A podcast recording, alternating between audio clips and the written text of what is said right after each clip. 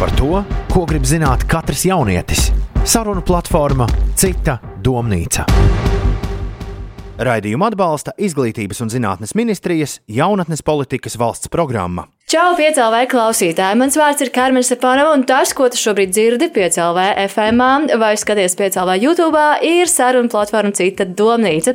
Kā jau var redzēt, vai vismaz justēt ar viļņos, šajā reizē mēs esam uzkāpuši uz svētku tēmas takas. Ziemassvētku vairs nav aiz kalniem, protams, pirms tam ir labdarības maratons dot pieci, bet uzreiz pēc maratona mēs metamies iekšā Ziemassvētkos. Katram šie svētki nozīmē kaut ko savu.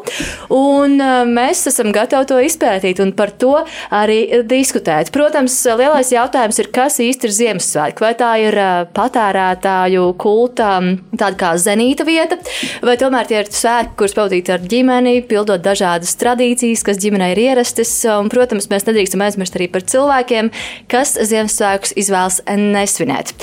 Mēs uh, gribam runāt par Ziemassvētkiem, pieņemot to, ka ir dažādi cilvēki un dažādi uzskati, kā jau minēju, un gribam saprast, saprast, kas mums pašiem ir Ziemassvētki. Tādēļ šajā reizē varētu teikt, ka mēs esam ar visiem un esam kopā ar visiem šajās idejās, un tāpat laikā esam gatavi arī skatīties no malas. Lai to izdarītu, un lai šis nebūtu vienkārši mans monologs par svētkiem, šeit, citā domnīcā, mums ciemos ir ieradusies dizaina veikala piparmētra idejas autora Rebeka Liepiņa. Čau! Arī mūziķis, reperis, brīvrunātājs un radošais direktors Edgars Sniegs. Sveiki, sveiki! Kur uzvārds ir ļoti atbilstošs šai sezonai. Un arī mūziķis, vidusskolnieks un, kā pats saka, dejotājs Vērs Jāteiks. Sveiki! Vairāk zināms kā baķitārists grupā Bekars. Yeah. Pirmo adventi esam aizvadījuši, un um, aicinot viesus, mēs centāmies uzrunāt cilvēkus, kuri pārstāv dažādus uzskatus. Jo pētot, interesējoties un uzdodot jautājumus, sapratām to, ka katram ir savi ieradumi, kā svinēt Ziemassvētkus. Pirmo adventu esam aizvadījuši, un ir laiks sākt domāt, ko mēs darīsim no 24. līdz 26. decembrim. Skaidrs, ka ne tikai ēdīsim. Arī piecēlē sekotājiem uzdevām jautājumu, kā viņi svin Ziemassvētkus, un atbildes bija sekojošas. Piemēram, Ilzīte raksta, eglīte, zem eglītes dāvanas, lai dabūtu dāvanas, ir jāskaita pantiņš. Kāds savas tradīcijas dēvē par pagānu tradīcijām, un vēl kādam tradīcijas ir pēc savām. Vienkārši šāds raksturojums, kā gribu, tā svinu. Vēl ir, protams, cilvēki, kas atzīst, ka nesvin šos svētkus. Um, Ir cilvēki, kas svin diezgan pieticīgi ar ģimeni, un uh, reizēm arī šīs tradīcijas nāk no vecmāmiņas. Kā vecmāmiņa pasaka, kā būs 24. decembrī, tā arī ir. Vēl Mārta Kristiāna raksta, ka mūsu ģimenēs svētku vakar galvenā daļa ir priekšsumi, kas nebūtu nav pantiņi, bet ietver izklādi, dziedāšanu un tā tālāk. Elizabete savus svētkus svin pēc kristiešu tradīcijām. Hildonis raksta no visa pa druskai. Tomam ģimenes svin pēc kristiešu tradīcijām, taču viņš kā ateists kopā būšanas un atpakaļdošanas dēļ. Tas nozīmē, to, ka vismaz Tomsākos sadiegs divas dažādas puses un viedokļi, par kuriem mēs noteikti runāsim arī šajā raidījumā. Kāds jauc kopā sēlatviešu un kristiešu tradīcijas, kāda tās ir latviešu klasiskās tradīcijas. Vēl mums ir arī bēāti, kas nesvin, jo neredz Ziemassvētkiem jēgu, un meiča 14. Tāds ir šīs meitenes Instagram niks šajā Ziemassvētku vakarā mēdz apmeklēt baznīcu. Tālāk, paldies visiem, kas Instagram atsaucās, paldies par jūsu viedokļiem un jūsu tradīcijām. Tagad pievēršoties šīs reizes viesiem, kā jūs svinat Ziemassvētkus? Es laikam sākšu. Mums ar Ziemassvētkos ir izveidojusies jau tāda savu veidu tradīcija, kad iepriekšējā dienā, kas ir 23. mēs satīram māju, sakopjam vidi sev apkārt, palīdzam mammai sagatavot cepeti vai pīli, sapirkt produktus un sagaidām mierīgi to vakaru. Nākošajā rītā, kas ir 24. mēs parasti sataisamies ar tādu svinīgu gaisotni, dodamies uz dievkalpojumu. Pēc dievkalpojuma dodamies mājās, kur mēs ēdam svētku vakariņas. Citus gadus ir dāvāns, citus gadus nav dāvāns, kā mēs pirms tam paši izvēlamies. Un um, skaitam arī dzējolīšus. Citreiz šie dzējolīši ir arī kādas raksturvietas, ko mēs esam iemācījušies no galvas noskaitam, jo redzam tām lielāku vērtību nekā pantiņiem. Apmainamies ar dāvanām, vienmēr pasakamies par to, kas šajā gadā līdz nu, no pagājušiem Ziemassvētkiem līdz šiem Ziemassvētkiem ir bijis, par ko mēs esam pateicīgi. Un uh, parasti vakar mēs noslēdzam ar lūkšanu um, par to, ka uh, Mēs esam pateicīgi par to, ka Jēzus Kristus ir dzimis, kas ir mūsu glābējs un mūsu pestītājs. Un tā ir tā mūsu galvenā svētku būtība, ko un kāpēc mēs vispār svinam. Tāpēc mēs jau no bērnības saprotam, ka tas mums viss nav par dāvanām, un ir arī bijuši svētki, kas ir bez dāvanām, jo mēs saprotam, ka mums lielākā dāvana ir Jēzus Kristus dzimšana. Kā ir ar tevi, Vari? Wow. Kāda ir tava uh, Ziemassvētka? Man Ziemassvētka, man šķiet, ka man Ziemassvētki noteikti iet trīs dienu garumā. Sākot ar 24. beidzot ar 28. Un pilnīgi noteikti katrai dienai ir savs sadalījums, ar kādu cilvēku grupu mēs to svinam. Vislabākajā gadījumā pirmā vakarā ar ģimeni, pēc tam dodas brāļi, kuriem jau ir sievas pie savām sievu ģimenēm, un tad trešajā dienā ciemiņi brauc. Parasti tā visa dienas sagatavošanās 24. Viss tas pats mājas uzkopšana, gatavo mīlestību vakaram, noteikti 12. ēdienu. Parasti ir vairāk. Um, Vai jūsu svētki ir piesaistīti kādām tradīcijām konkrētām? Konkrētām tradīcijām, jā, tāpēc es saku 12 ēdienu. Tas ir nu, no latviešu tradīcijām 12 mēneši, 12 ēdienu un visādi tādas saistības, kā arī rotāšana, istabas rotāšana. Mēs parasti rotājam eglīti, ieliekam viņā arī svecīti, visādas rotājumus, un uh, mums pie lampas parasti karājas puzurs. Ja zinu, kas ir puzurs no salmiem, tas veidots uh, rotājums, jo tas arī nācis no latviešu tradīcijām. Tātad baznīca nav jūsu plānā 24. decembrī? Baznīca nav tik ļoti, jā. Edgars, kā ir ar tevi, jo, cik saprotu, tu kristietībai pievērsies tikai Pirms sešiem gadiem. Pirms jā. sešiem gadiem. Kā mainījās tavs paradums svinēšanā, kāda tev iepriekš un kāda tie ir šobrīd? Mums vienmēr bija tā, ka Ziemassvētki tā, tas ir ģimenei un jaunais gads tas ir draugiem. Vienmēr bija tā, ka Ziemassvētkus pavadīja mājās un savukārt jaunajā gadā tad ar draugiem kaut kur kur nu katrais, katrais dodas. Bet līdz šim vienmēr bija tā, ka mēs nu, parasti mājās sēdējām pie galda. Māja jau tika dekorēta mums šeit decembra sākumā. Un, un tas vakars bija klasisks ēdiens, dāvanas, dzējoļi. Daudz vairāk man patika bērnībā, tad, kad mēs braucām ciemos pie tēta māsas, un tur bija tā, ka sanāca vēl kaimiņi. Un, nu, ritīgi tāda uh, rada būšana bija, un, un tas, kā mazam bērnam jau bija nu, tik, tik interesanti, tad vienmēr nāca arī Ziemassvētku vecīts, un es atceros, ka vienā brīdī es domāju, bet tā taču ir tā kaimiņa meitene. Man teica, nē, nē, nē, nē, nē tā nav kaimiņa meitene. Lūk, nu, tie bija tādi veidi svētki, un šobrīd.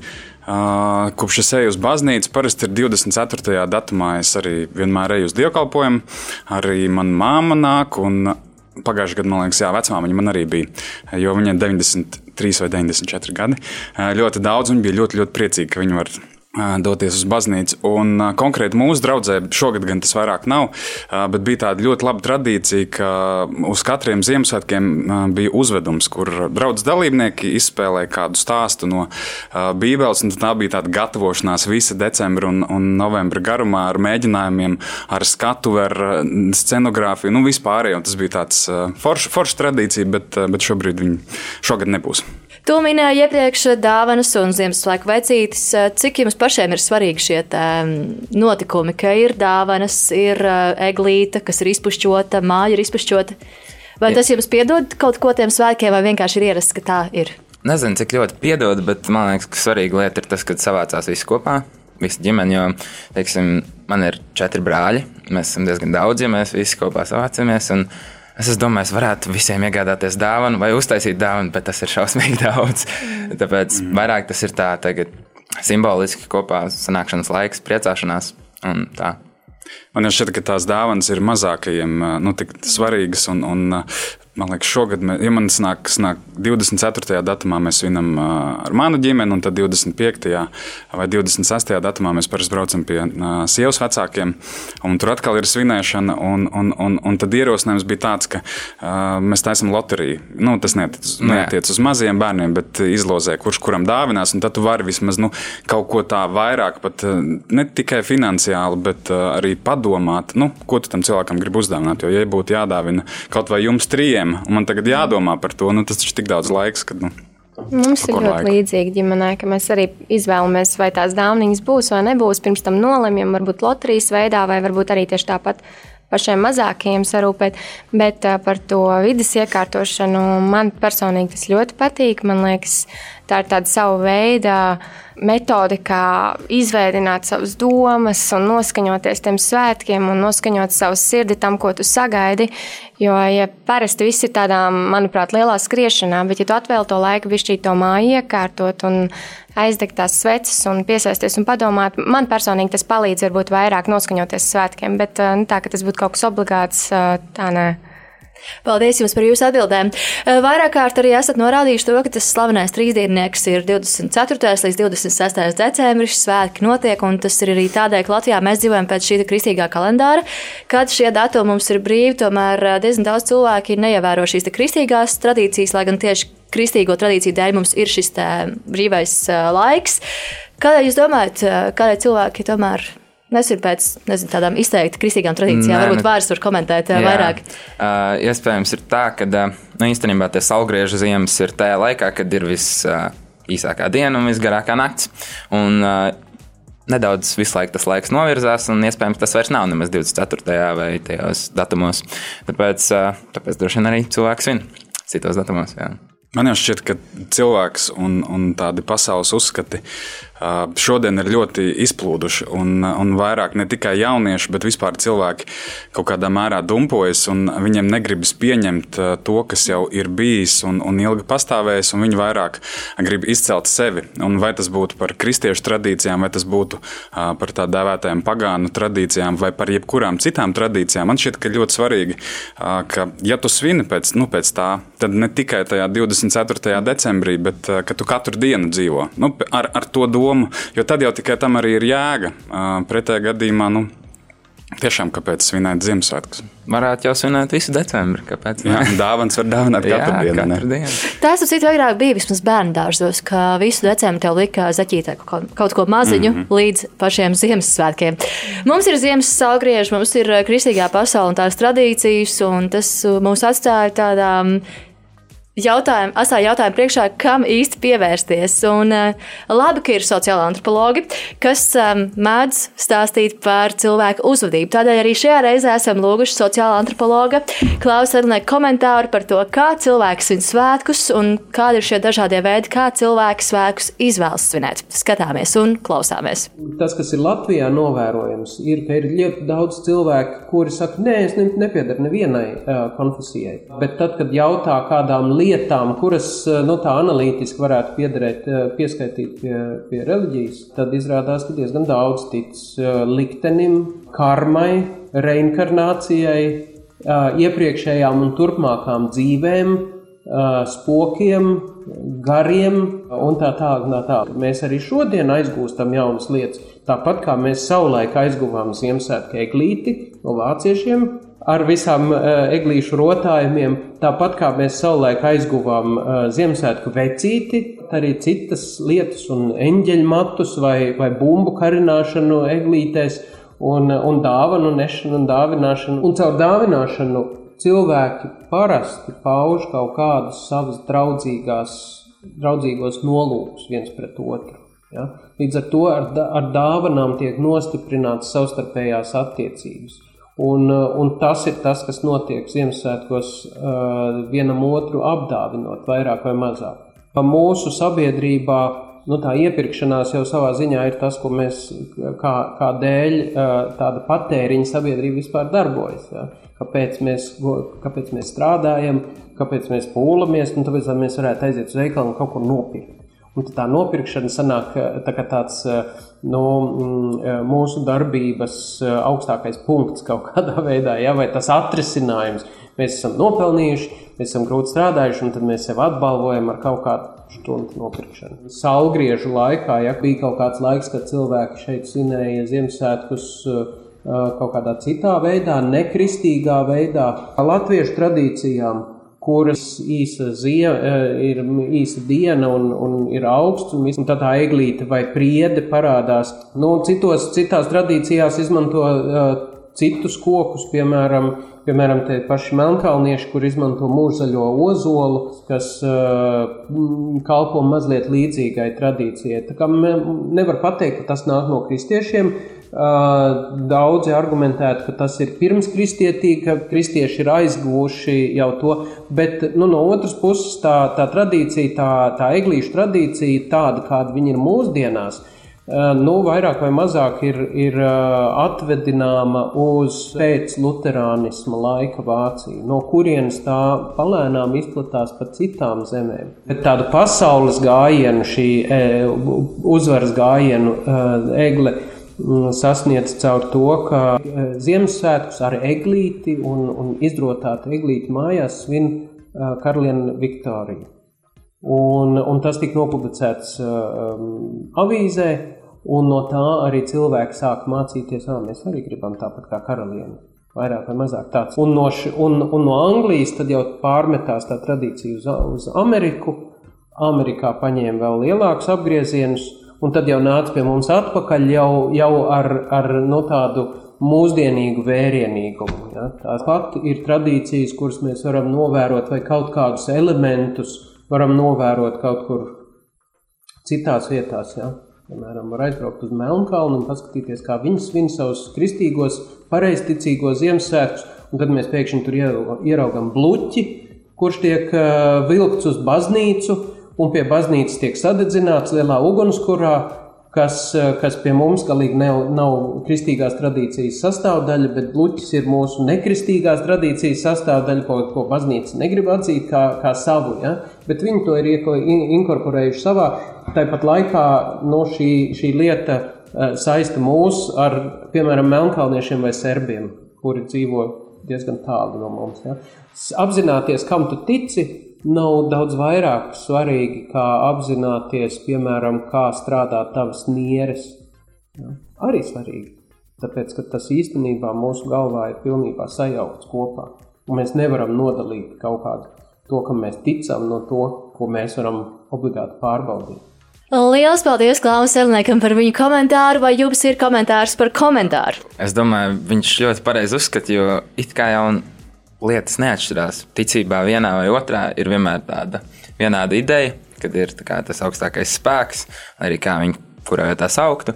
Kā viņš saka, tāpēc mums arī vienādi nedaudz veidojās tā svētku svinēšana, tradīcijas un, un tā. Jā. Es jau teiktu, saskan manas domas ar, ar Sedlinieku kunga domām par to, ka mēs nevaram nodalīt, kā darbojas mūsu smadzenes vai nieres no tā, kam mēs, kam mēs ticam, jo cilvēks jau nav tikai fiziska, bet garīga būtne. Un man šķiet, ka ļoti svarīgi ir, ir domāt arī par to ikdienā un patiešām meklēt tās atbildes un, un pārbaudīt savu ticību, lai nebūtu tā, filmas beigās tā, ka tu esi zaudētāja nometnē, nu, vai visu mūžu kaut kam aplamam ticējis. Tāpēc man liekas, katru dienu ir, lai kurā vietā tu būtu, tev ir nu, jāpārbauda tā savu ticību. Es arī ļoti piekritīšu tev. Un arī tam, ka tas viss ir saplūdis kopā, kā svin gan, gan pagāniskās tradīcijas ar kristīgajām tradīcijām. Un, manuprāt, ja tu par kaut ko tici, tad tu esi gatavs izrakt, papētīt, saprast un nošķirt tās lietas. Jo man liekas, tā ir tāda postmodernisma domāšana, sajaukt visu kopā. Viss ir to paņemšu, bija šī čito paņemšu. Tā kā, man liekas, ja tu par kaut ko tici, tad tici tiešām ar visu sirdi un saproti, kāpēc tu tici. Piemēram, es noteikti nejauktu savā dzīvē nekādas pagāniskās tradīcijas, jo es zinu, ka viņām turklāt nāk visādas lietas, ko es negribu savā dzīvē.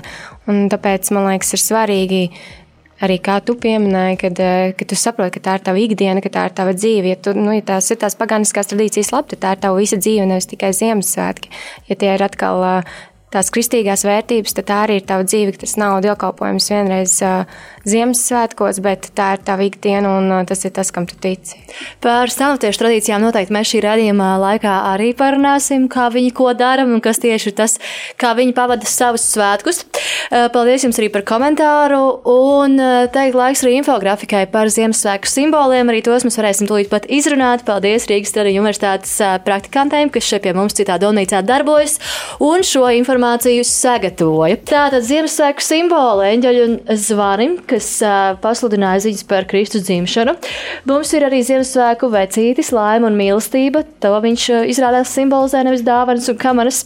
Arī vainags, kas ir mūžīgā dieva mīlestība, kam nav sākuma un beigu. Protams, sarkanā krāsa, tieši dāvanas ar sarkanām lentēm, cilvēku saticība un kopā būšana. Ir arī Ziemassvētku zvaigzne un arī zaļā krāsa. Protams, to mēs redzam diezgan daudz arī popkultūrā. Kuru no šiem simboliem jūs izmantojat savos svētkos? Ja kādu vispār izmantojat, vārds vienkārši māja ar galvu, nē, viss. nu, labi, nē, neprecīzi, bet, nu, pārsvarā sanāk viss izmantot, jā. Un vai tu brīdī, kad tie tiek izmantoti tavā ģimenes lokā, vai tu domā par to, ko tie simbolizē, vai tas vienkārši tā ir ierasts, ka viņi uh, ir? Nu, tas tādu kopēju sajūtu rada. Kad tādas tu redzi apkārt, tev liekas silti. Tu redzi, domā par Ziemassvētku vecīti, atceries tādas lietas, gaidīšanu pēc viņa, kad viņš ieradīsies katru Ziemassvētku. Un eglīte arī un tā rotāšana, tas viss process kopā veido bez viņiem kā svētkiem būtu grūti.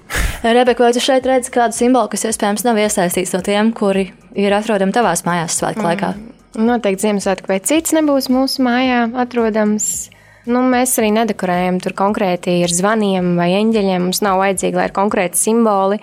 Bet uh, vairāk mēs aizsacām sveces un uh, sakopjam vidi sev apkārt. Uh, citreiz tās, tas var būt vienkārši jauns galdauts un, uh, un salvetes. Nu, Tie simboli, varbūt, jā, viņi varbūt kādam palīdz aizdomāties par to vēsti, bet man par vēsti palīdz aizdomāties Bībele.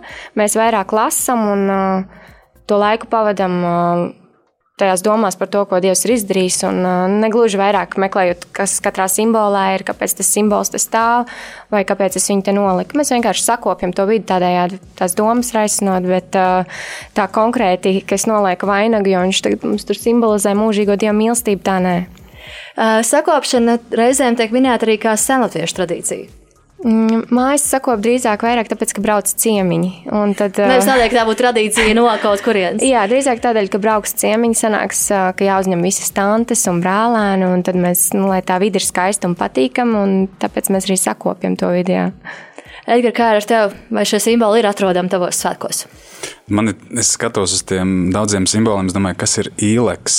Īleks ir nemirstības simbols. Ne, kā viņš, kā viņš izskatās? izskatās, vai ne? Jā, to es nezinu. Tas ir labs jautājums. Nu, Mums mājās ir eglīte, un, un tie rotājumi arī ir, bet eh, šajā brīdī, nu, tādā dzīves posmā, eh, man sievai viņai patīk dekorēt un radīt vidi. Un tas, eh, tie dekori laikam vairāk ir tīri atmosfērai, bet es esmu padomu laika bērns, teiksim tā, padomu laika beigu bērns, un es atceros, ka mums bija katru gadu vien un tie paši rotājumi, tās pašas mantiņas tīri tikai tāpēc, ka nebija iespējams iegādāties jaunas, jo veikalā nebija, un tāds komplektiņš, kāds tev bija, tā katru gadu tos zaķiešus un čiekuriņus un tos vispārējo arī eglītē likām. Un, uh, nebija arī slikti. Nebija arī slikti. Es atceros, ka pirmo reizi parādījās tas. Uh, kā viņi sauc, tas trīs stūris, tāds ir. Nu, lamp... Jā, kāpnīca ar svecītēm. Jā, jā, jā, jā. Un tad, kad kaimiņiem parādījās, un viņiem bija pirmajiem ielā, un tas bija tāds wow, notikums. Un pēc tam jau arī kaut kad vēlāk mums bija. Bet, bet tad vienā brīdī tas vienkārši pazuda kaut kāda tāda lielāka jēga un nozīme tam. Un es uzticos citiem, kas to visu sadekorēs. Paldies jums par jūsu viedokļiem arī šajā jautājumā, un par ielakstu runājot, lai nebūtu tā, ka mums tiek pārpludināta YouTube komentāru sadaļa vai īziņa mašīna šajā brīdī piepildās. Tad var izstāstīt, ka ielaksts ir augsts ar sarkaniem augļiem un nedaudz tā kā zvaigžņotām lapām. Mēs viņu redzam šeit, ja gadījumā tu skaties YouTube, ētrā tev tas noteikti neinteresēs. Mēs redzam viņu infografikas apakšā pie zvaniņiem. Mhm. Tāds Zvaigžņu mm -hmm. nedaudz. Tas ir mūsu nemirstības simbols ieleks. Radījums ir domnīca atgriezīsies pēc pavisam neilga brīža. Tādēļ tagad piecā vētrā mūzika. Saruna platforma Cita domnīca. Radījums ir Donīca ir atpakaļ, un šodien raidījumā mēs runājam par Ziemassvētku tradīcijām un dažādiem veidiem, kā šos svētkus svinēt trīs vai vairāk dienu garumā. Tas atkarīgs atkal no katra paša, dažādiem cilvēkiem un, protams, dažādiem uzskatiem. Lai šo visu skaidrotu, šodien ciemos ir Rebeka Liepiņa, arī Edgars Sniegs un Varis Jānieks. Ar viņiem iepazināmies jau pirmajā raidījuma daļā, kur sapratām to, kas svinot Ziemassvētkus mēdzam ietekmēties no dažādām kultūrām. Protams, viena no tām ir Kristīna kristietības perspektīva, kuru mēs jau esam aplūkojuši. Un šajā raidījumā, protams, mēs ne, nevēlamies izcelt kādu vienu ticības pieeju un nerunājam par to, vai ir pareizais vai nepareizais veids, kā Ziemassvētkus aizvadīt. Gatavojoties šim citas domnīcas raidījumam, mēs uzrunājām Juri Cēlīti, kurš ir ne tikai mācītājs, bet arī docents Latvijas Universitātes teoloģijas fakultātē. Tādēļ pievēršam uzmanību viņa komentāram. Kristīgā pasaulē Ziemassvētku saistīta ar Jēzu Kristus piedzimšanu, un tie svin šos svētkus, kas ir Dieva klātienē un Dieva mīlestības ienākšana mūsu pasaulē. Patiesībā paradumi, kas saistīti ar Ziemassvētkiem, ir kaut kādā veidā saistīti ar Jēzus uh, nākšanu. Arī ja mēs pat neredzam sākotnēji. Un, piemēram, Ziemassvētku eglīte ir, ir um, divas sasaistes ar Jēzu. Viena ir ka šis koks liecina paradīzes koku, kas paradīze, ko mēs zaudējam un Jēzus atjauno. Un otrs ir, ka šis koks ir mūžīgi zaļojošs, kas atgādina mūžību. Tāpat ar dekorācijām.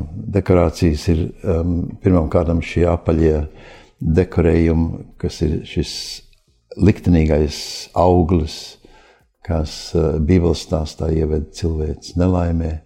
Un Jēzus mēs tagad varam pakārt to kā tādu prieka bubuli, jo Jēzus to visu ir šo lāstu iznīcinājis, un nu, mēs varam priecāties par to. Ziemassvētku vecīts, kā mēs zinām, ir viens no baznīcas svētajiem, no agrīnās baznīcas svētais Nikolās. Un dažās vietās pasaulē, piemēram, kur es dzīvoju arī Vācijā, Ziemassvētku dāvināšana ir Nikolas svētku dienā, kas ir decembra sākuma dienās. Vēl viens sajaukums ir šis modernais vecītis, kas sēž katrā veikalā, un tad bērni ir apjukuši, kas tas viss ir un ko tas nozīmē. Es domāju, ka viņiem arī tas ar laiku vairs neko nenozīmē. Man, man liekas, mēs varētu vecīti ļoti labi likt pie malas uz kādu laiku. Ziemassvētku vienmēr bijuši tādi svētki, kur visu laiku nāk kaut kas klāt, kas uh, ir tāds pienesums Un dažreiz šis pienesums ir ļoti jauks, un citreiz tas ir tāds nesevišķi veselīgs. Šī kristīgā tradīcija ir, eh, protams, galvenokārt priekš tiem, kas šo jēzus ienākšanu grib atzīmēt. Citiem ir varbūt drusku grūtāk, viņi, viņi to kaut kādu mazu sadaļu no vis tā piekopja. Nu, kā piemēram, uh, visiem jau ir atļauts eh, priecāties, un visiem atļauts eh, dāvanas dāvināt. Visi, visi grib šo svētkus iezīmēt kā tāds mīlestības svētkus, un tas ir ļoti skaisti. Ar pirmo adventu sākās jaunais baznīcas gads, un tas ir četras svētdienas pirms Ziemassvētkiem, un tad ir Ziemassvētku svētvakars vai Ziemassvētku diena. Mūsu gadījumā tā pirkšana tērēšanās jau ir pārņēmusi tādus apmērus, ka tas jau sāk dominēt. Un, Es domāju, ka šobrīd ir taisnība jācīnās pretī, lai, lai varētu vienkāršot. Piemēram, mēs zvaniekam mājās, mums ir ļoti daudz bērnu, mums jādāvina dāvanas. Un tad um, um, mēs esam vienojušies, ka būs viena dāvana, nevis desmit dāvanas. Viena kaut kas, kas, kas varētu iepriecināt. Un otrs ir pie dāvanām, mēs nedāvinām lietas, kas ir um, it kā noderīgas, ko vajadzētu pirkt tā vai tā. Tās nav dāvanas. Dāvanas ir tas, kas dara laimīgu jo tas ir savā ziņā drusku negaidīts. Ko es ieteiktu cilvēkiem, ir šis, šie svētki, ir pamatā draudzības svētki. Un mans ieteikums būtu darīt visu, kas veicina draudzību. Un iet tikai pa veikaliem un, un, un kaut kādām izklaidēm, tas varbūt nav tas draudzības labākais veids. Bet arī nav slikti, ja mēs esam kopā. Tas jau ir sākums, un, un būt kopā un, un atrast uh, prieku Tas ir maģisks periods, un, un tas, ir, um, tas ir tāds, kas tev atgādina, vai kaut kas dzīvē ir vairāk kā tikai strādāt, pelnīt, pirkt, pārdot, meklēt atvaļinājumu.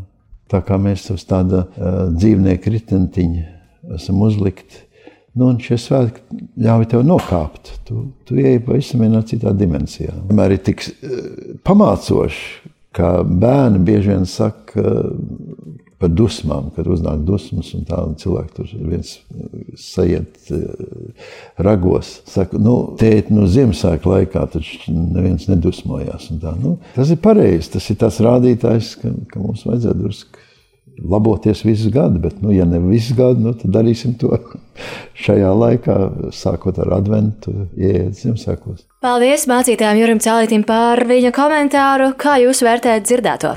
Es lielā mērā par ļoti daudz ko piekrītu. Par to eglīti es nezinu, es piekrītu. Man liekas, ka ļoti daudz ko mēs varam savilkt klāt un sveci simbolizē to, tas, to, tas, to. Es vairāk skatos uz to, lai tās lietas ir rakstītas Bībelē, un man pamatojums visam ir jābūt bibliskam. Un, ja es redzu, ka Bībelē ir pamatojums tam, tad es piekrītu tām lietām. Bet Man ļoti patika viņa doma par tām dāvanām, ka tas ir uh, skaists laiks, ka tu varbūt vari papildus kaut kā izrādīt to mīlestību, un ja tev ir tā iespēja, tā teikt, svētīt un dāvāt otram, tad to vari darīt.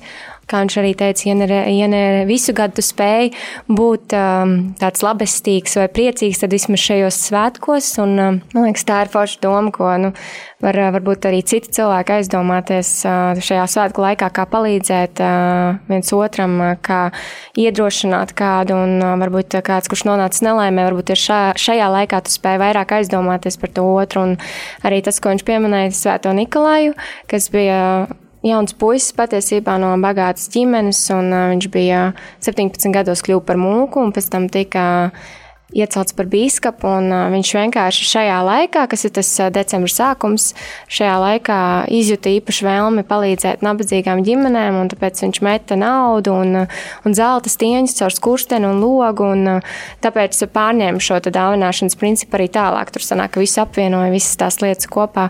Man liekas, ka ļoti forši, ka viņš to izdarīja tieši Ziemassvētku laikā, un kad šis laiks liek padomāt par to, kad mēs varam iepriecināt nabadzīgos, mēs varam iepriecināt to, kas ir nokļuvuši nelaimēs. Bet tikpat ļoti es esmu par to, ka nav tur jāapstājās, nav jāapstājās ar Ziemassvētkiem, arī janvārī, februārī, martā un aprīlī būs cilvēki, kas ir nonākuši nelaimē, un tu vienmēr būsi, tev, ja tev ir mājas, ja tev ir ko ēst, tev ir ģimene, tev ir vienmēr ko dot, un es uzskatu, ka tas tam nevajadzētu būt tādam vienam gada notikumam, tas varētu būt, varbūt nesanāk katru mēnesi tur uzdāvināt kaut ko, bet tas ir kaut kas, ko tu mēģini mēģina un piedomā arī citos mēnešos, gadalaikos un dienās.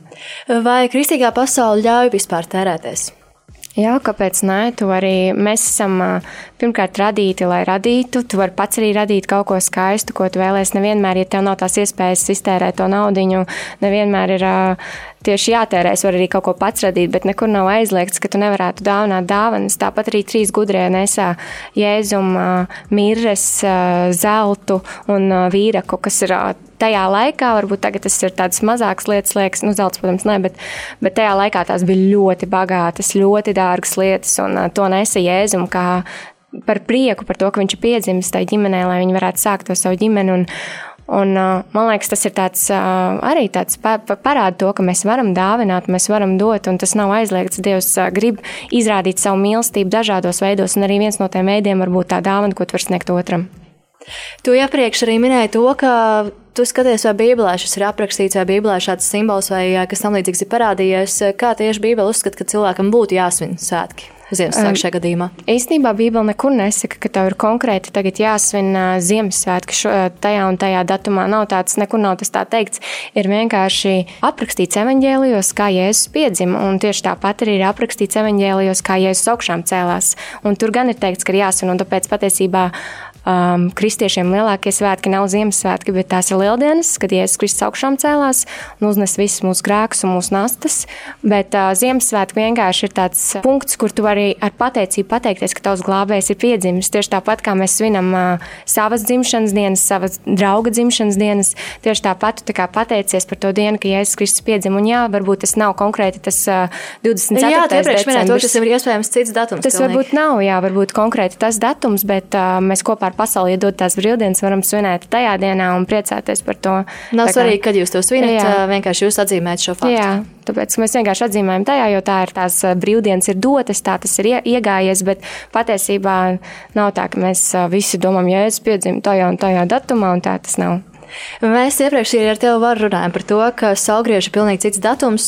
Pirmkārt, kāds ir tavs komentārs par nu pat dzirdēto, un iespējams, tu kaut ko no tā paņem arī sev? Uh, pilnīgi noteikti man patīk viņa ideja par to, ka, nu, varbūt tās dāvāns nav pats galvenais, bet kaut ko tādu lielāku, kā viņš ievieš. Es esmu bijis pats Zanieku mājās, kur viņš šiem bērniem dāvā visu, un es tiešām redzu, cik daudz viņš dod viņiem, un tas nes viņam pretī prieku.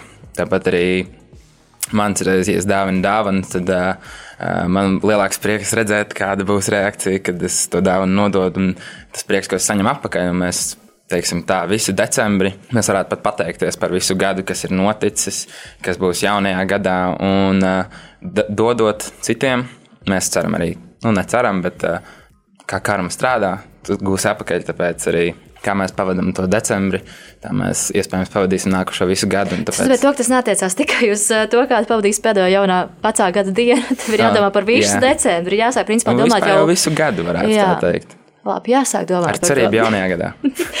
kādēļ, kādēļ tu izvēlējies svinēt pēc senlatviešu tradīcijām? Tomēr nenotic tai kristietības pieejai.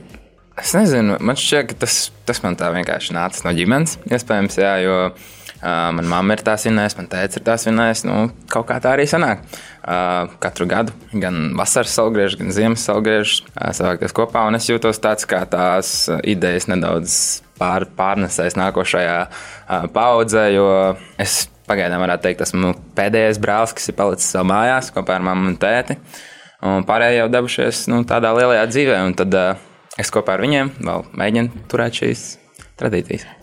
Iztēlojoties to, ka tev kādreiz pašam būs uh, savs atvases, un viņi teiks, to, ka viņi grib aiziet Ziemassvētkos baznīcu, vai tu teiksi tādu stingru nē, mums ir savs rīcis, vai tomēr tu ļausi iet un piedalīties? Es domāju, ka noteikti cilvēkam pašam jāsaprot, kur ceļu viņš ies. Nevar jau nevienam uzspiest neko.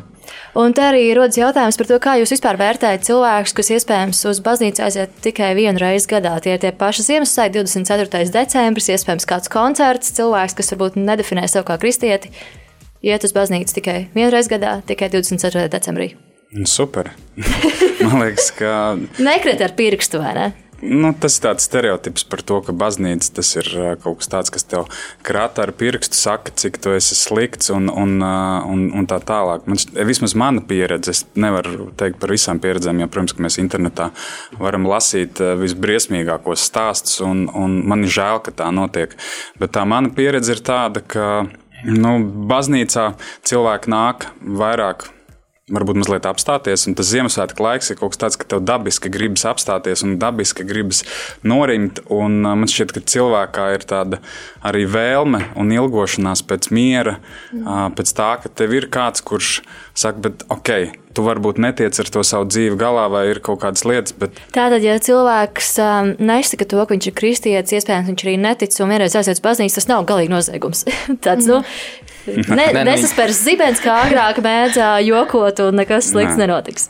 Tas vienīgais būtu dīvaini, ja viņš to darītu tā kā ķeksīšu pēc, ka viņš vienkārši aiziet, viņš tur ir bijis, jo ir svētki. Bet... Un kā būtu ielikt bildi Instagramā, ka viņš ir bijis baznīcā? Tas ir kā laba lieta, ko izdarīt, vai slikta lieta, vai neitrāli? Es nezinu, ar, kā, ar kādu domu viņš to ir domājis. Ja viņš varbūt, varbūt viņš mm, ir sludinātājs vai, vai kaut kādā citā veidā to dara. Uh, bet, ja viņš lepojas ar to, varbūt viņam tas ir vajadzīgs priekš viņa paša. Zikā, man šķiet, tas līdzīgi kā cilvēks bildētos ar Rīgas laiku, vai es atceros, sen, sen stāstīja, ka agrāk Rāņi kopotos rakstus pasūtīja, lai būtu mājās bibliotekā, ko ielikt. Lai redz, ka tu esi lasījis Rāņi. Jā, bet, bet ticēt tā absurdi, ka vieta, ja ēka tev, nu tā kā kaut ko tavā dzīvē mainīs, kā ēka vai, vai, vai, vai krustiņš vai vēl kaut kādas lietas, man liekas, diezgan absurdi. Jo es teicu, bet nu, var jau būt arī tāda teorija. Man piedzimst dēls, un es gribu, lai viņš būtu nu, rīktīgs, teiksim, tā kā mājas briedis.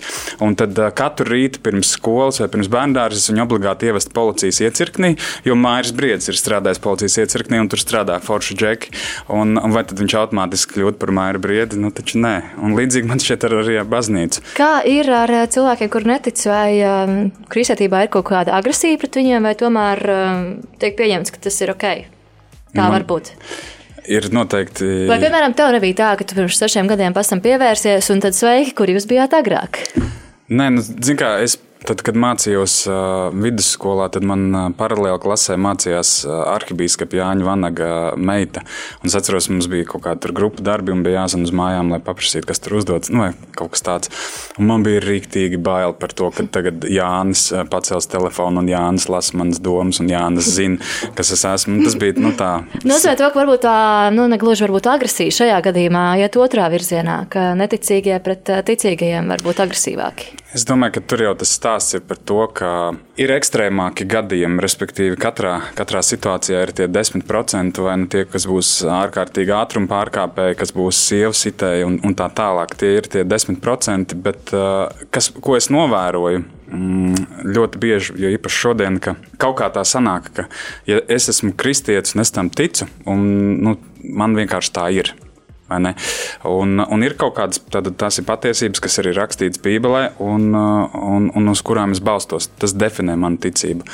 Un tad, ja ir kāds pretējs viedoklis, kas vienkārši ir pretējs, tad automātiski tiek pieņemts, ka kristietis tas ir nu, kaut kāds tāds tumsoņa no, no seniem laikiem, un ka viņš īsti neko nerūpīja. Nu, tas, Jā. tas ir tas, ko es esmu novērojis. Bet, uh, Man šķiet, tas nav līdz galam pareizi, bet vai ar to vajag cīnīties un kā cīnīties? Katrā ziņā es nebūtu tas cilvēks, kas mestu praidā kakas vai nu, vēl kaut kādas tādas lietas darīt. Man šķiet, tas. Uh, tā ir jau galējība savā ziņā. Tā ir, tā ir jā, tas, tas parāda to, kas tu esi par cilvēku. Jo vienalga, kādu birku mēs pieliksim sev klāt, es, nu, kas es esmu pēc savas ticības, šķiet, ka tur jau ir uh, jāiet bišķīt dziļāk nu, par, par tavu būtību. Atgriežoties pie sociālajiem tīkliem, eh, nereti var novēr, novērot to, ka tā dēvētie viedokļu līderi vai influenceri pēkšņi ir sākuši vairāk runāt par Dievu savos eh, ierakstos, pateikties eh, Dievam par to, ko viņš viņiem ir devis, vai var runāt par to, ka šobrīd, 2019. gadā, ticība ir kļuvusi arī par savu veidu tendenci. No iespējams cilvēku puses, kas nav ticējuši līdz šim brīdim, viņi nonākuši šajā sociālajā tīkla platformā. Tad... Kurš tā dara? Es tev pēc tam pastāstīšu. Okay.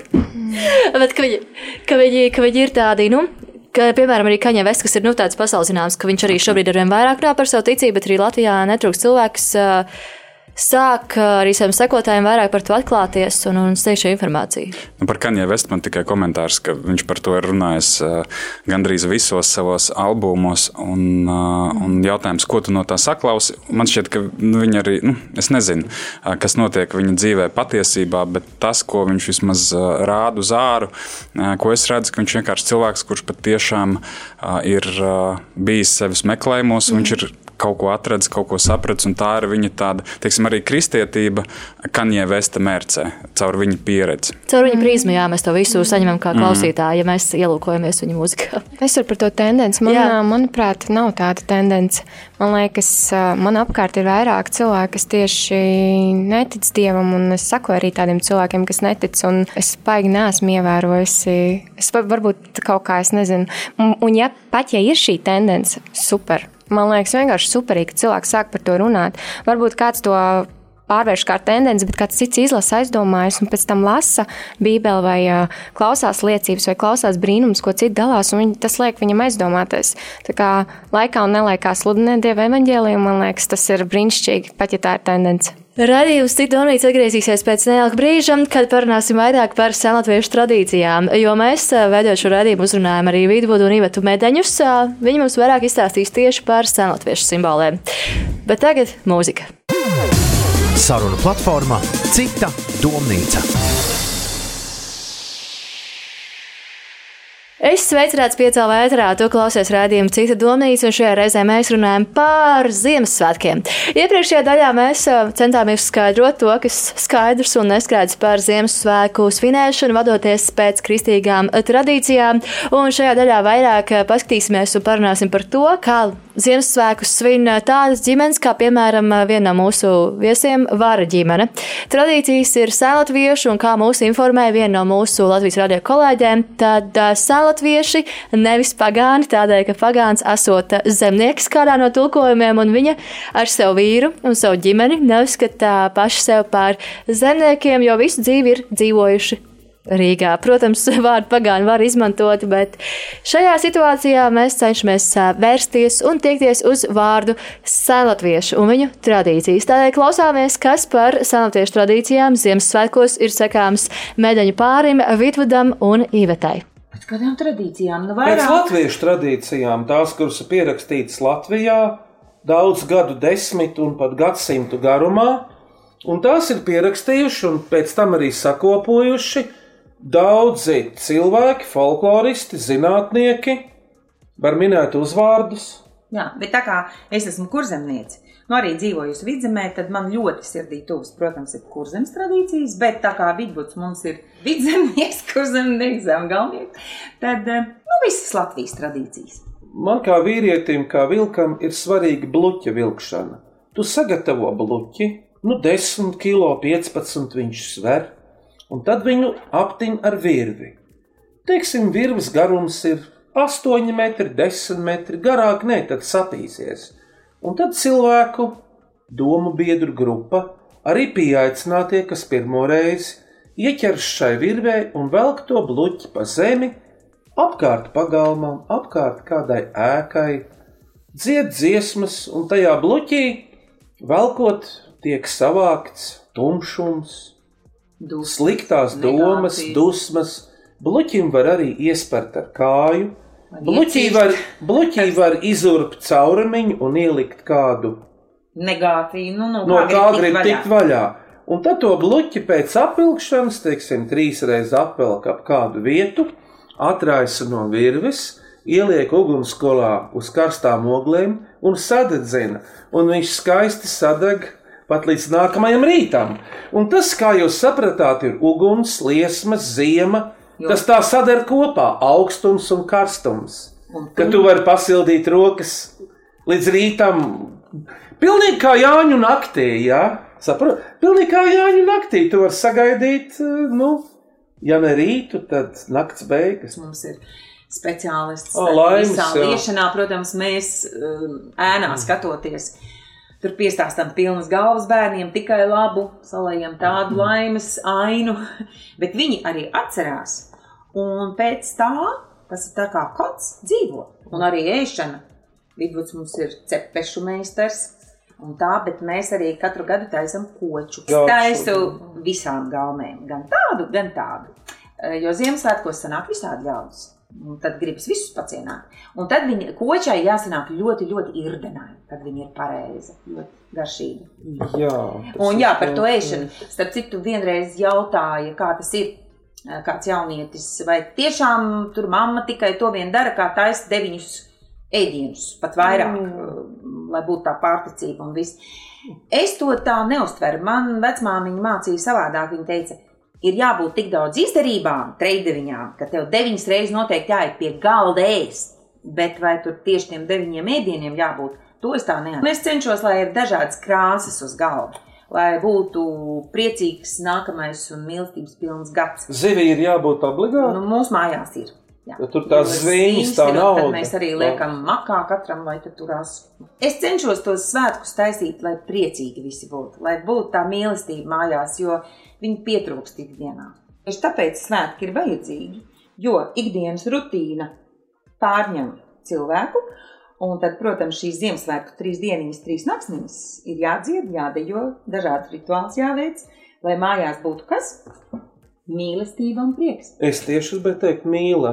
Ticējumos daudz kas ir rakstīts, bet nu, jādzīvo mūsdienu pasaulē. Maskošanās mm, ir brīnišķīga, ja kaut ko grib kādam arī. Tu nevari pateikt tieši acīs, tu esi baigais skopulis. Tādā maskā es viņam varu pateikt. Mēs jau neviens no ar Ivetu nesam nākuši no katoļiem vai stingriem tādiem luterāņiem vai pareizticīgiem. Mēs jau esam brīvi domājošās ģimenēs auguši. Un tas kaut ko nozīmē. Lai gan arī, piemēram, katoļi ir lieliski tradīcija zinātāji. Kā tad, piemēram, Latgale rulē, būdami katoļi? Bet tas jau nenozīmē, ka mēs mājās nenesam eglīti.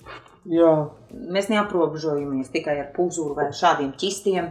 Mēs rotājam eglīti katru gadu pat savādāk. Mēs pēc sajūtām, kā arī bērni to grib.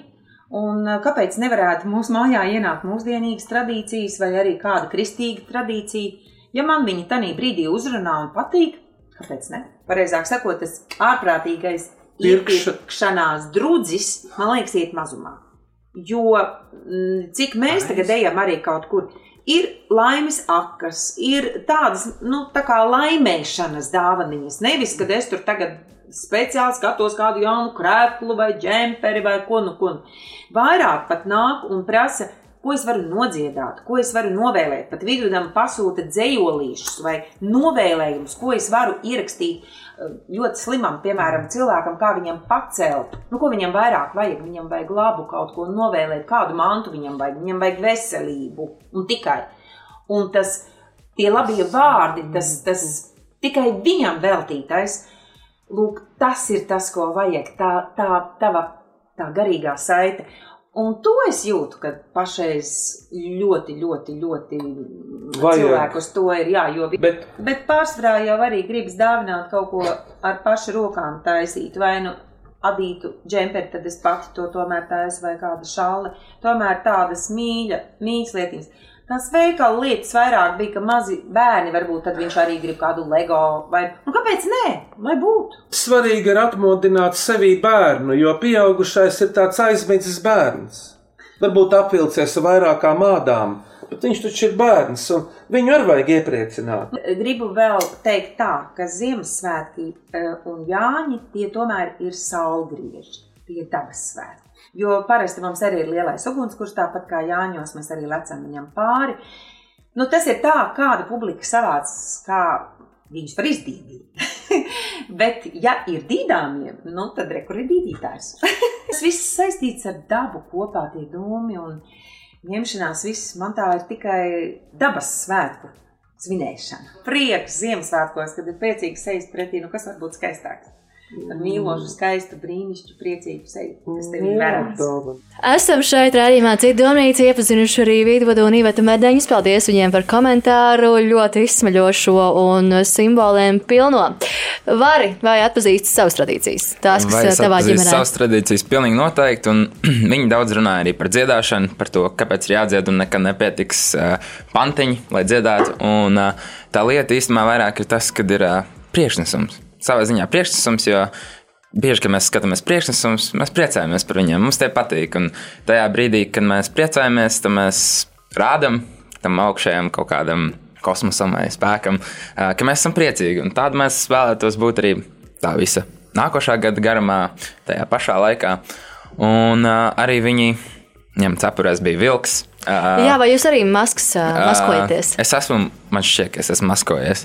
Uh, un uh, es noteikti esmu redzējis, kā ciemos nāk uh, šie budeļi, vai kā viņus var citādi dēvēt, uh, ar maskām. Un uh, tā ideja ir pareizi, ja tu atklāji savu seju, jo tad tu no viņiem īsti nebaidies.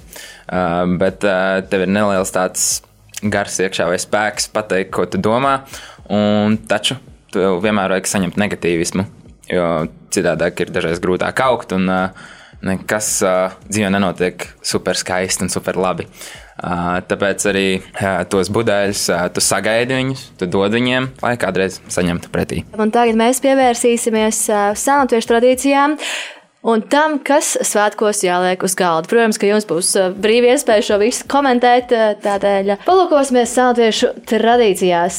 Piemēram, svētkus svinēt trīs dienas, trīs naktis. To teica arī medaļu pāris, ka visu laiku notiek svinēšana, budeļu ķekatas, arī kaļadās iešana, masu gatavošana, dziesmu dziedāšana, bluķu vilkšana, kas arī vairāk kārt jau ir aprunāta. Vēl tradīcijas ticējumi, cik reizes jāapskrien apkārt ā, Ziemassvētku vakarā mājai, lai zobi nesāpētu, kur jānes melni kaķi, lai tiktu pie naudas, ā, kas jādara, lai būtu laba ābolu raža, kā jāpašķo māja, tie ir gan eļu zari, gan krāsaini dzīpari, salmi, puzuri un to veidošana, tāpat zīlēšana, laimes liešana, cīņā ar ļauriem gariem un veiksmas piesaistīšanai. Kā jūs komentējat šo? Kaut kas no šī ir izmēģināts vairāk, gan šeit es skatos uz Edgars un Rebeku, jo vis- visticamāk ir ļoti pazīstams ar šīm te senlatviešu tradīcijām. Es man šeit kādā otrajā vai trešajā, trešajā klasē atceros, skolā mēs taisījām puzuru. Un tad es nesu uz mājām. Tas bija tāds parastais rombiņš. Jā, viņš. Uh, to es esmu taisījis. Un tad vēl es atceros to tradīciju par laimes liešanām. Tā mums arī ir bijusi mājās. Un pēdējos gados man viņa vienkārši tā kā, nu, vairs nav tik svarīga. Agrāk likās interesanti tur paskatīties, kas nu iztīsies un, un pasmiesies. Kā arī medaļu pāris teica, nu, kad viņi ir itī piestāst pilnas ausis. Bet, uh, Pēc būtības nu, tā varētu būt tāda laba, varbūt kādam izklaide, kur tu vari izstāstīt un saredzēt, ko tu pats īstenībā gribi tur redzēt, nevis kas patiešām tur ir attēlots. Bet kā Rebeka teica, nu, tas ticības aspekts ir cits. Līdz ar to man vienkārši tas nav aktuāli. Mm. Es arī atceros to, ka gan skolā, gan bērnu dārzā rokdarbos bija jātaisa puzuri. Nebija gluži tā, kā kāds skaidrot to, kādēļ mēs to darām. Vienkārši bija jātaisa puzuri, un tad varēja tos stiet mājās arī bērnu dārzā es atceros to, ka mēs ģērbāmies maskās un vēl kaut kas tamlīdzīgs. Arī tajā brīdī bērniem neskaidroja, kādēļ pēkšņi viss tiek savākt, visiem tiek mm. kaut kas savilkts virsū un kur mēs ejam un kāpēc kāds met pāri sienai konfektes. nu, tādi tādi visādi tādi mazi akcenti, kas ikā mums ir mācīti, kas iespējams mums tā kā nenāk vairāk līdzi. Vai kā tu atceries savu bērnu dārza laiku, vai tev bija uh, savātojuši tradīcijas? Lieta, es gribēju pieminēt, jo es bērnu dārzā neesmu gājis. Okay. Uh, Tas ir pilnīgi normāli. tā lieta, ka es varbūt tiešām piekrītu maniem vecākiem, jo tu nevari zināt, kā, ko bērns ar, ar tavu bērnu īsti nu, tur dara. Tāpēc viņi audzināja man mājās. un, arī... kā, kā tev šķita tajā brīdī, un kā tev šķiet šobrīd, vai šīs tradīcijas ir foršas, izklādējošas, vai tu tās dari, jo tās dara tavu ģimene? Es domāju, ka tik tālu, cik tu nu, nezinu, teiksim, pavelcies līdz tām tradīcijām un tiešām sajūti prieku no tā, ko tu dari, tad jā, tad tam ir nozīme. Es šeit teiksim, izlasīju vienu uh, konkrētu, lai nesāpētu zobu Ziemassvētku vakarā jāskan trīs reizes ap māju. Es nekad neesmu skrējis trīs reizes ap māju, gribu pateikt. Kurš ir skrējis? Ja tu esi skrējis, lūdzu, YouTube kanālā komentāros atstāj to, ka tu esi skrējis apkārt trīs reizes. Bet vienkārši tas fakts, ka iespējams kaut kad senākos laikos ir bijis viens cilvēks, tieši personāžs, kurš ir apskrējis trīs reizes, un viņam bija šāpējuši zobu, nākamajā dienā nesāp. Mm -hmm. Un mhm. iespējams šāda runa paklīda, bet nu. Vai visi tagad to darīt? Nu, jā, varbūt tas nav tā vajadzīgs, bet tā atmosfēras radīšana, tā pušķošana un uh, tas varētu būt tāds noderīgāks. Kā jūs domājat, vai jūsu kristīgās tradīcijas ir iespējams savienot ar šīm senlatviešu tradīcijām? Tas nav tā, ka tagad visi mēs tagad šādi darīsim, visu to savienosim, bet vai jūs redzat to, ka kāds kristīgais var ieviest arī senlatviešu tradīcijas savā ikdienā un mm. svētkos, svētkos drīzāk? Tas, kas ir nosaukts pie zīlēšanas, laimes liešanas, par to skriešanu riņķī, par melno kaķi, lai būtu naudas, lai būtu raža, to kristieši noteikti teikt, ka tā ir mājiņticība. Mm -hmm. Respektīvi, ka tu paļaujies uz kaut ko, nezinu ko, mm -hmm. un ka tas notiks iespējams. Kristieši teikt, ka to mēs noteikti nedarīsim. Es domāju, ka mājas pušķošana. Kā jā, varētu kaitēt mājas pušķošana? Jā, pat ar, ar, ar puzuru. Es nezinu, man, man teiksim, es nezinu, puzura to lielāko jēgu. Iespējams, ka tur apakšā arī ir kaut kāds mm, baigais stāsts, bet uh, man puzuris katrā ziņā asociējas ar vienkāršu dekoru. Es laikam ļoti piekritīšu. Jā, no, mēs to nu, uzskatām par mācību, jo tu lieti savu paļaušanos uz lietu, uz notikumu, nevis uz dievu. Man liekas, tā grūti būtu savienot maskošanās un tādas lietas. Es nevaru vispār iedomāties. pa kuru laiku jūs spējat to izdarīt? Jā. Vari, kā ir ar tavu ģimeni? Iepriekš runāju par šo tradīciju, ko tu arī plāno nodot saviem bērniem un vest šo tradīciju tālāk ģimenē. Ar ko tas sākās? Kur sākās sanatviešu svētku svinēšanas tradīcija. Kur sākās senlatviešu svētki? Nu, tādā senlatviešu tradīcijās svētku svinēšana, precīzāk sakot. Senlatviešu, kur sākās? Jā. Man tā bija vienkārši visa dzīve. Tu piedzīvi, un tas jau notika. Nu, jā, tā ir. Tas to, ka sāknis principā ir meklējums kaut kur vēl dažas paudzes iepriekš. Kaut kur, jā, pilnīgi noteikti. Un atrisinot šo diskusiju, mēs dzirdējām, deviņas reizes ir jāceļās kājās. Nē, jābūt deviņām kaut kādām lietām, ko dari, tad eh, deviņas reizes tu pieeji pie galda un kaut ko apēdi.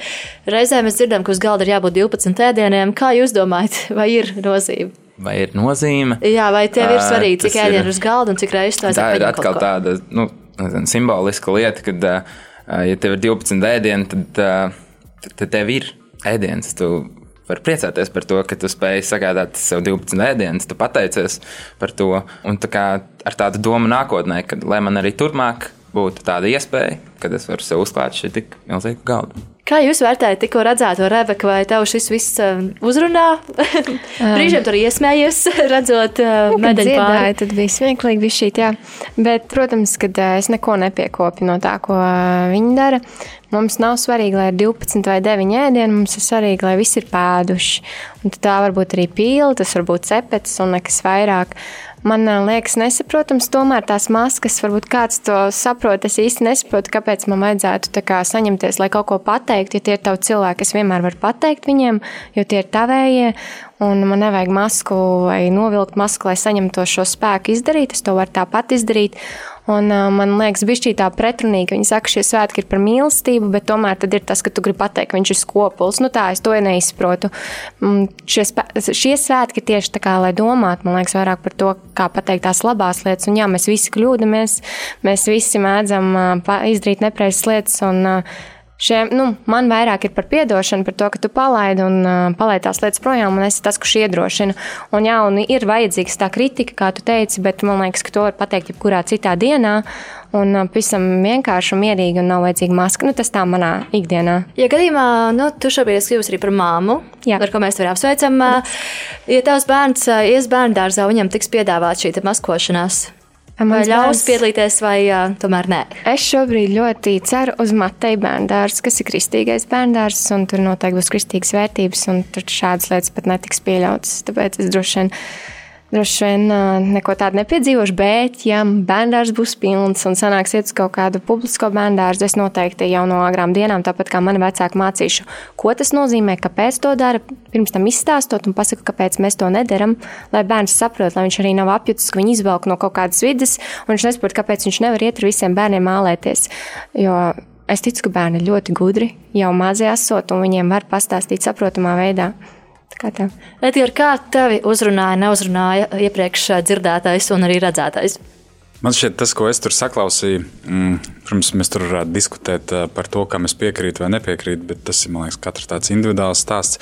Bet tas, ko es saklausīju, ir, eh, un arī šeit mums diskusijās tiek daudz pieminēta ģimene un to, kā mēs esam eh, auguši. Un, un manā gadījumā man bija iespēja arī bērnībā dzīvot pavasarām tādā lauku mājā, kas bija viensēta ar sauso toleti un, un, un kūti. Nu, respektīvi, kārtīgi lauki. Mm. Jā, jā, kārtīgi lauki. Un es neesmu tā praktiski arī tur esot piedzīvojis principā nevienu no šīm lietām. Es esmu, liekas, lasījis skolas grāmatās, vai nu, ka kaut ko mācīt senatnē. Līdz ar to tā tīri praktiski es to neesmu darījis, un arī man ģimenē tas nav bijis, tāpēc tas kaut kā tā vienkārši nav iegājies. Mēs, man šķiet, esam varbūt kaut kādā brīdī domājuši, cik tie ēdieni tur uz galda. Bet es, es pat esmu atceros, liekas, es skaitīju, cik tur ir. Un es domāju, nezinu, šito var skaitīt kā ēdienu, vai šito nevar skaitīt. Vai šis mērķis trauks būs 12. Jā, jā, jā, jā, vai nē? jā, bet uh, man laikam nu, tādā ziņā tas nav tik izteikti un, un, un tik svarīgi. Es nezinu, medaļu pāris ir ļoti, ļoti kolorīts un, un, un attraktīvs. Un viņi jau nu, tādā ziņā nes to piemēru, ka viņi cenšas izdzīvot to katrā, katru dienu. Viņi arī ir pētījuši un, un, un, un, un tā, meklē to pamatu. Es esmu lasījis arī kaut kādas citas lietas no, no citiem aspektiem, un noteikti tā būtu veselīga saruna. Ja tu kļūtu par tēvu, vai tev būtu svarīgi, kā, piemēram, bērnās tam bērnam liek atzīmēt svētkus pirms tam? Man būtu tas svarīgi, bet nevis.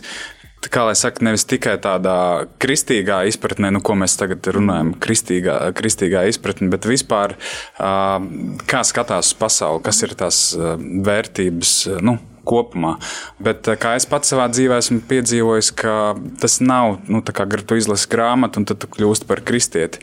Tas ir tavs personīgais piedzīvojums, mm. un kurā brīdī tas notiek, es kā vecāks nu, nevaru paredzēt. Līdz ar to es no savas puses censtos viņu audzināt tā, kā es uzskatu par pareizi, bet, bet par rezultātu es nevaru. Garantēt. Nevar galvot, jā. jā. Var atgriežoties pie tevis, tu teiksi to, ka jūs svētkos, senotiešu tradīcijās svinot, priecājaties, rādāt kādam tur augšā, vai ir definējums, kas ir tas, kam senotieši tic? Vai, vai tā ir vairāk, vai tā ir daba, dabas procesi, saulgrieži, vēl kaut kas? Tas ir tā kā kosmos, varētu teikt, vai visums, jā.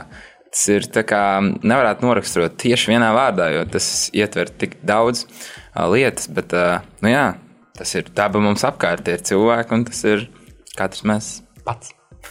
Kā jūs domājat, ja vairāk kārt tiek arī norādīts, ka senotiešu tradīcijas arī Iveta un uh, Vidvuds to sacīja, ka tās nāk no pagātnes, no vēstures, un kāds visu to ir apkopojis un apskatījis, vai nevarētu teikt, ka tās ir mūsu saknes, un ka tomēr kaut kādā mērā tās saknes arī ir jākopja, vai tomēr tas paliek atkal katra paša ziņā, vai viņš vēlas šo te senotu visu ko kopt vai ignorēt drīzāk? Es nezinu, man liekas, tagad aktuāla filma ir Dvēseli putenis. Un, un tad man ļoti patīk tā sadaļa, kur ir strēlnieku dziesmas no jauna tiek iedziedātas, un, un tur instrumenti dzied, un, un intereses busulis. Un vēl. Tās savā ziņā, es domāju, man šodien dzīvojušam cilvēkam ir vieglāk saprast kā saknes, nevis to tālāko vēsturi, ko es nu, vispār neesmu piedzīvojis.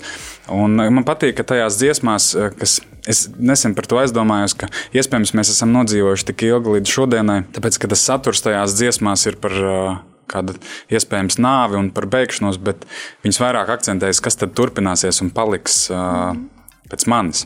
Un uh, es tam dziesmās saklausu ļoti daudz tādas kristīgas uh, tieši atziņas, un, un varbūt tāpēc, ka es vienkārši ikdienā eju uz, uz, uz baznīcu, man tas ir tuvāks. Bet, uh, ja mēs raugamies uz tādu tālāku stāstu par, par, par vēsturi, arī viņi, piemēram, minēja faktu, ka kāds ir pierakstījis šīs atziņas un šīs tradīcijas. Jautājums, no kurienes Latvijā ienāca rakstība? Mm -hmm. un, un tā mēs varam uz daudzām lietām skatīties. Bet tas galvenā atziņa ir tā, ka man šķiet, nekad nevajadzētu kaunēties no tā, ka tu esi latviečs. Mūsu saknes ir šī zeme, bet, ja mēs vēsturē skatāmies, tad nu, tā vai citādi ar kristīgo kultūru un, un cilvēkiem no vidzemes un, un hernhūtiešu draudzes arī ir sākusies nu, tā latvietība. Tas mm -hmm. ir arī nu, vēsturiski rakstīts. Jā. Un, tāpēc man nav nekāda iemesla nu, neticēt tam visam. Jo Es savā, nu, vismaz tādā ikdienas dzīves pārliecībā, kurš teicu, mēs tur runājam par to, ka viens saka tā, otrs saka tā. Es eh, cenšos nenostāties pret to, ka, nu, piemēram, Vidvuds ar, ar Ivetu tagad runāt pilnīgākās muļķības. Pat ja mūsu viedokļi ir citādi, es pieeju pēc principa, ka, ja tu esi atradis kaut kādu dārgumu un uz ko tu stāvi, tad uh, izkop to un, un meklē saknes, nevis mēģina skatīties, kas citam ir nepareizi. Skaties, ko tu vari darīt, lai, lai, lai, nu, lai, lai dzīvotu nosīt pareizi. Vai ir tāda pareizā dzīvošana? Es domāju, ka mēs katrs. Pareizā svinēšana. Tā ir mūsu katra uh, iekšējā pārliecība. Vai mēs jūtamies ērti ar to, kā mēs pavadām svētkus, piemēram? Jā. Vāri, mēs esam atraduši arī tavas māmas komentāru. Wow. Viņa rakstā un ir teikusi sekojoši: Mēs esam nākuši pasaulē, lai dzīvotu priecīgi un laimīgi, nevis lai būtu īgri un piekusuši, un svētki radīti tām, lai pareizajā laikā no zvaigznēm saņemtu enerģiju un mums būtu viegli, lai mēs varētu priecīgi strādāt. Jā. Šo arī mājās es dzirdēju. Es domāju, ka ne to vien. Tas nozīmē, to, ka galvenais, vai tādēļ jūs uz to kosmosu skatāties, vai tādēļ jums ir eh, šīs tradīcijas, visi jūs to darāt un līksmojat, lai pēc tam varētu priecīgāk strādāt, vai tomēr tur ir vēl kaut kas? Nē, nu jā, nu, saku, ko, ko iesaist, to pļausi. Nu. Tāpēc ir tas centies dzīvot pozitīvi, varbūt. Un tāpēc arī tā buļbuļsāļos iešana, teiksim, tu jau ej ar prieku un ar dziesmām. Varbūt tas negatīvisms tik ļoti neizpaužās. Vienkārši tas, ka tas prieks un dziesmas nosūta kaut kādu veidu informāciju, kā jau teicu. Visumā, un tad uh, saņem kaut ko pretī. Radījums ir Dunīca piecēlē ētrā, atgriezīsies pēc brīža, pēc dziesmas, un mēs uh, iziesim finiša taisnē ar secinājumiem un vēl dažiem piemēriem par Ziemassvētku svinēšanas ieradumiem. Saruna platformā Cita domnīca. Radījums ir Donīts ir atpakaļ. Šajā reizē mēs runājam par Ziemassvētkiem, svētku simboliem un to, kā mēs šos svētkus svinam pēc dažādām tradīcijām. Esam izrunājuši kristīgo skatījumu uz šo visu, arī sēnotviešu skatījumu, un ir liela daļa cilvēku, kas kaut ko svin, iespējams nesaprot, ko viņi svin, un uh, ir vai nu ateisti vai agnostiķi, kuri vai nu noliedz kādu augstāku spēku esamību, vai nedefinē šo spēku konkrētā vārdā un nepiešķirtam konkrētu tēlu. Meklējot cilvēku šim raidījumam, mēs sastapāmies ar to, ka liela daļa mūsu draugu un sasniegto cilvēku ir tie, kuri īsti nevar izskaidrot, kādēļ viņi svin to, ko svin. Iespējams, tās ir ģimenes tradīcijas, kurām tiek sekots, satikšanās ar visiem radniekiem, ar viņi var satikties, un iemesls un vieta tieši ir Ziemassvētki. Tāpat satikām arī cilvēkus, kas nevēlējās par šo jautājumu runāt, jo uzskatīja, ka viņu turpmī, turpmākajā darbībā runāšana par to, ka viņi netic Ziemassvētkiem un to svinēšanai varētu kaitēt viņiem un varētu kļūt pārāk karsti, citējot no angļu valodas. Tagad pievērsīsim uzmanību infografikai par interesantām Ziemassvētku svinēšanas tradīcijām. Un uh, uzreiz jautāšu jums, uh, kādas ir jūsu tradīcijas, jo šeit mēs redzam dāvanas, kur pēstā, piemēram, Nīderlandē. Japāņu maltīte, Japāņiem tradīcija pasūtīt ceptās vistiņas no visiem zināmā zīmola. Tāpat arī slotas slēpšana, jo Norvēģijā baidās, ka ragans tās varētu nozagt un izpostīt, izpostīt Ziemassvētku vakar, kas, manuprāt, ir klasiska maņķība. Arī Ziemassvētku gurķu rotājums Vācijā piekop tradīciju pirms Ziemassvētkiem paslēgt gurķu rotājumu, lai pirmais, kas to atrod, saņemtu papildus dāvanu. Vai kāda no šīm jūs uzrunā? Un, protams, paldies Rīgas Universitātes meitēm, ka šīs interesantās tradīcijas ir apkopojušas, bet, kā jau minēju, vai kāda jūs uzrunā? Man laikam cita, kas tur nav uzrakstīta, bet es vienkārši atcerējos, es mācījos angļu valodu, un uh, mans pasniedzējs bija no Lielbritānijas. Viņš, te, es aizmirsu, kāds bija tas konteksts, vai nu ka viņi no rīta jau sāk to dāvanu pakošanu, vai ka viņiem laikam divas reizes dienā ir tās nu, dāvanas. Tā kā. Un tā kā ģimene nebija pietiekami turīga, tad viņiem bija viena reize, kas bija tās normālās dāvanas, un tad viens bija tās teiksim, smieklīgās, jeb jocīgās dāvanas. Un, un tad viņš teica, ka bija uzdāvinājis savam tēvam. Anglijā futbols ir ļoti cieņā. Viņš bija, Sirdīs, uz, jā, viņš bija uzdāvinājis tēvam toaletes papīru ar viņa nemī, nu, nemīļākās komandas logotipu virsū. Man liekas, diezgan konceptuāli forša, nu, tā, forša dāvana. Ir padomāts, patiesībā parāda to, ka cilvēks zina, kas nepatīk, un diezgan liederīgi. Radošais, jā. Gājiens. Man tāds, nu, laikam, ne konkrēti tā dāvana, bet, bet tāda pieeja ir tuvāka. Par tādām, nu, Jo es atceros, agrāk bija diskusijas par to, ka, ja tu Ziemassvētkos nezini, ko dāvināt, piemēram, sievietei, spilvens vai sveces. Un tad tev gadu no gada krājās šāds spilvens, krājās sveces. Un, nu, nav nekāds šampūns vai zeķis. Zeķis, jā, zeķis vienmēr nodara. Vai komplekti, kuros ir apvienots viss. Kā jūs vērtējat vispār šo dāvanu pirkšanas kultu, kad cilvēki jau pienākot 1. decembrim, 1. adventē, vienkārši saprot to, ka sasodīts man tagad ir jāpavada turpmākās nedēļas nogales līdz Ziemassvētkiem veikalos, visiem meklējot dāvanas? Es nezinu, man, manā ģimenē arī līdzīgi kā viņiem, kad ir loterijas pēc, un mēs diezgan laicīgi zinām, ko mēs dāvinam. Un es cenšos uh, radīt kaut ko pats, tāpēc uh, šī pirkšana varbūt tik ļoti mani neietekmē. Un tomēr, ja tu atopies uh, veikalā un redz to trakumu, kas tur notiek, vai tev neizraisa kaut kādas negatīvas emocijas? Oh, nē. Varbūt citam tas ir, citam ir vajadzīgs. Tu gribi nopirkt savu, pār, savu pārtiku un tu atduries pret Ziemassvētku nu, jā, jāsagatavojas laicīgi. Kā ar jums un, un, un to, ka cilvēki šturmē tos veikalus tomēr pa, pastiprinātāk? Tas jau parāda to, ka kaut ko cilvēki jau grib izdarīt, nu, tādu jēdzīgu. Un man šķiet, ir bēdīgi, ja cilvēki piemēram ņem kredītus, lai ne tikai Ziemassvētkos, bet dzimšanas dienās, lai piemēram uzdāvinātu telefonu, vēl kaut ko, vēl kaut ko. Nu, tas ir tā pavisam galēji un arī liecina par to, ka cilvēkiem droši vien ar izdomu nav kaut kas kārtībā, bet tas liecina arī par to vidi, kurā tu audzi. Ka iespējams, ka tu saki forši, ka tu vari uztaisīt pats kaut ko un uzdāvināt. Bet var jau būt arī tāda situācija, ka cilvēks, nu, piemēram, tu uzdāvini to pašu zīmēto zīmējumu, vienalga kaut kāda tāda personīga lieta, bet tas otrs cilvēks saka, mm, ko tu man te uzdāvināji, es gribēju īstenībā kaut ko citu. Un, un, un tā, man liekas, ir diezgan bēdīga situācija, ka mēs pat ne, nespējam vairs izjust prieku par kaut kādām lietām, ko mēs saņemam. Vai mēs šeit varam runāt? Runāt par to, ka mēs tomēr tiekam diezgan ļoti ietekmēti no Amerikas Savienoto Valstu sniegtajām filmām, kas, piemēram, Ziemassvētkiem nāk mums virsū, kur mm. arī ir stāsts par dāvanu drudzi. Varbūt tie vienkārši ir rietumi, kuros mēs ļoti cenšamies būt. Iespējams. Kas arī piespiež mums to, ka mēs gribam būt patērētāji diezgan lielā mērā. Manā vismaz galvā nav problēma. Varbūt ir dāvana daudz un vēl kaut kādām lietām, bet kuras saskatīt, kāpēc ir grūti nopirkt, tieši nopirkt dāvanu. Tādēļ, ka pirmkārt, tā kvalitāte precēm, ko mēs pērkam, Viņa ir ārkārtīgi zema. Un, uh, un būtībā mēs maksājam lielu naudu par tādiem parastiem struntiem, kurus uh, pēc tam nevienam uh, īsti nevajadzēs. Un ir ļoti grūti arī ikdienā nopirkt kaut vai normālu džemperi, kurš pēc divām reizēm mazgājot, nu, izskatīsies tāpat, nu, vismaz tāpat tās kā pirkuma dienā.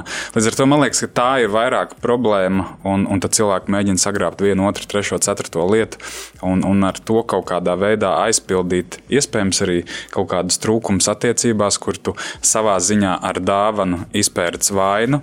Un, Tas sanā, jums bija strīds, zeķis, jā, zeķis. Jā, bet vēl jau man liekas, ka bērniem ir diezgan izteikta tā lieta, ka saka, nu, nu, nu, nu, nu rūķis skatās, nemācies. Jā, šī draudēšana, tev neko netasīs, tu neko jā, nedabūsi. Jā, jā. Nu, tas man liekas arī nu, tā kaut kādā mērā muļķīgi. Un tomēr tā iet eh, cauri bērnu dārzam, sākuma skolai, bieži vien arī pamatskolai, mm. kur tev tiek solīts, ka neviens jau neko nenesīs un kaut ko tamlīdzīgu. Un tieši vakar lasīju diskusiju, kur vienkārši vecāks bērnam bija pateicis, mums nav naudas dāvanām, dāvana nebūs. Un viss, un tad uh, kāds viņam grupiņas biedrs saka, vai tu jau droši vien nogrēkojies? Un mm. tāpēc nebūs nevis tādēļ, ka reāli nebūtu finansiālas iespējas uh, iegādāties dāvanas. Ir svarīgi apzināties, ka reizēm mēs varam arī uh, neapzināti ietekmēties no iepriekš minētajām filmām, uh, kas mums kaut ko mēģina pārdot, uh, vai reklāmām, kas liek teikt to, ka mums visiem jāskrien uz veikaliem. Tomēr katram no mums ir savas tradīcijas, to mēs apspriedām arī šeit, citādi domnīcā.